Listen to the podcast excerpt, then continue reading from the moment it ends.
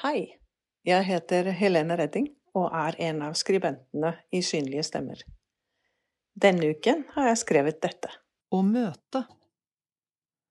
Menneskemøter kan være så mangt. De kan være flyktige og glemt etter noen øyeblikk, eller de kan bli med oss i lang tid. Noen møter varmer i kroppen, mens andre kan etterlate følelser av sårhet, bekymring eller ubehag. Men hva er et godt menneskemøte? Og er menneskemøter annerledes for oss som ikke ser? Det er blitt sagt at kroppsspråk og mimikk sier mer enn tusen ord. Men for den som ikke ser, er det et signalsystem som går oss hus forbi. For seende kan et menneskemøte starte mens to personer går mot hverandre, eller bare utveksler blikk. For meg som er blind, starter et menneskemøte først når noen prater til meg eller berører armen min, for eksempel. Det positive ved en slik måte å møtes på er at det er mindre risiko for forhåndsdømming. Jeg gjør meg ikke opp en mening om folk ut fra klesstil, måten de går på eller hvordan de ser ut. Det er ikke før vi får direkte kontakt at jeg kan begynne å forme en mening om hvem jeg møter. Det negative ved denne måten er at den første ordvekslingen, stemmeleie eller berøringen kan bli for toneangivende. Det er mange ulike meninger om hva et godt menneskemøte er.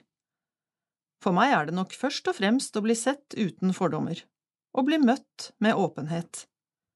Jeg er i en situasjon hvor jeg, til tross for å være en introvert, må søke mot mennesker og assistanse i mange situasjoner.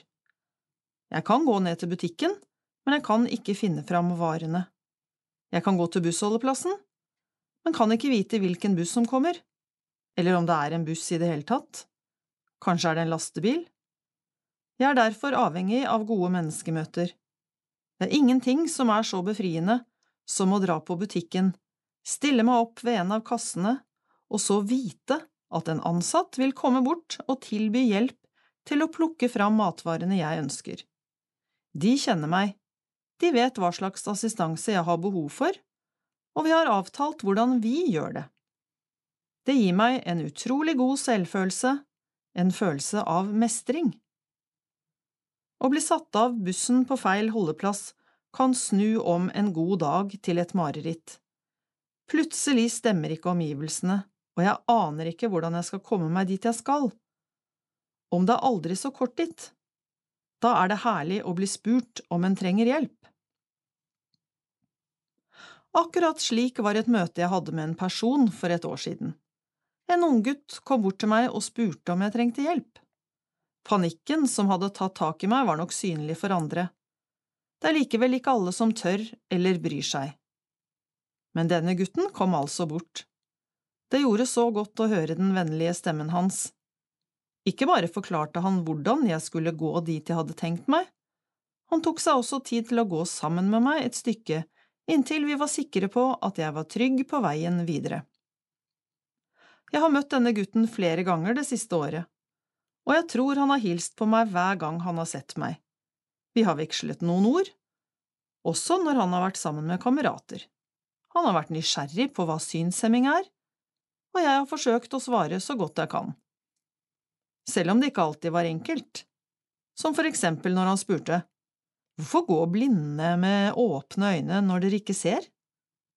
Nå har gutten flyttet, men disse møtene har etterlatt gode minner, kanskje også for ham.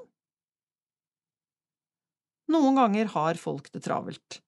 Da stopper de ikke opp når du prøver å fange oppmerksomheten deres. Eller de går kanskje bare i egne tanker, eller med ørepropper. Slik var det nok på Nationaltheatret stasjon her om dagen. Folk suste forbi, jeg vinket og forsøkte å be om hjelp, men før jeg visste ordet av det, var alle borte, og jeg sto der alene på perrongen, like usikker på retningsvalg. Noen av de beste menneskemøtene jeg har hatt, har kommet som følge av at jeg har rotet meg litt bort. Både i Oslo og Tønsberg har jeg blitt møtt med en fantastisk verdighet, tålmodighet og vennlighet av tidligere eller nåværende rusmisbrukere. Mennesker som har mindre av det meste utenom tid.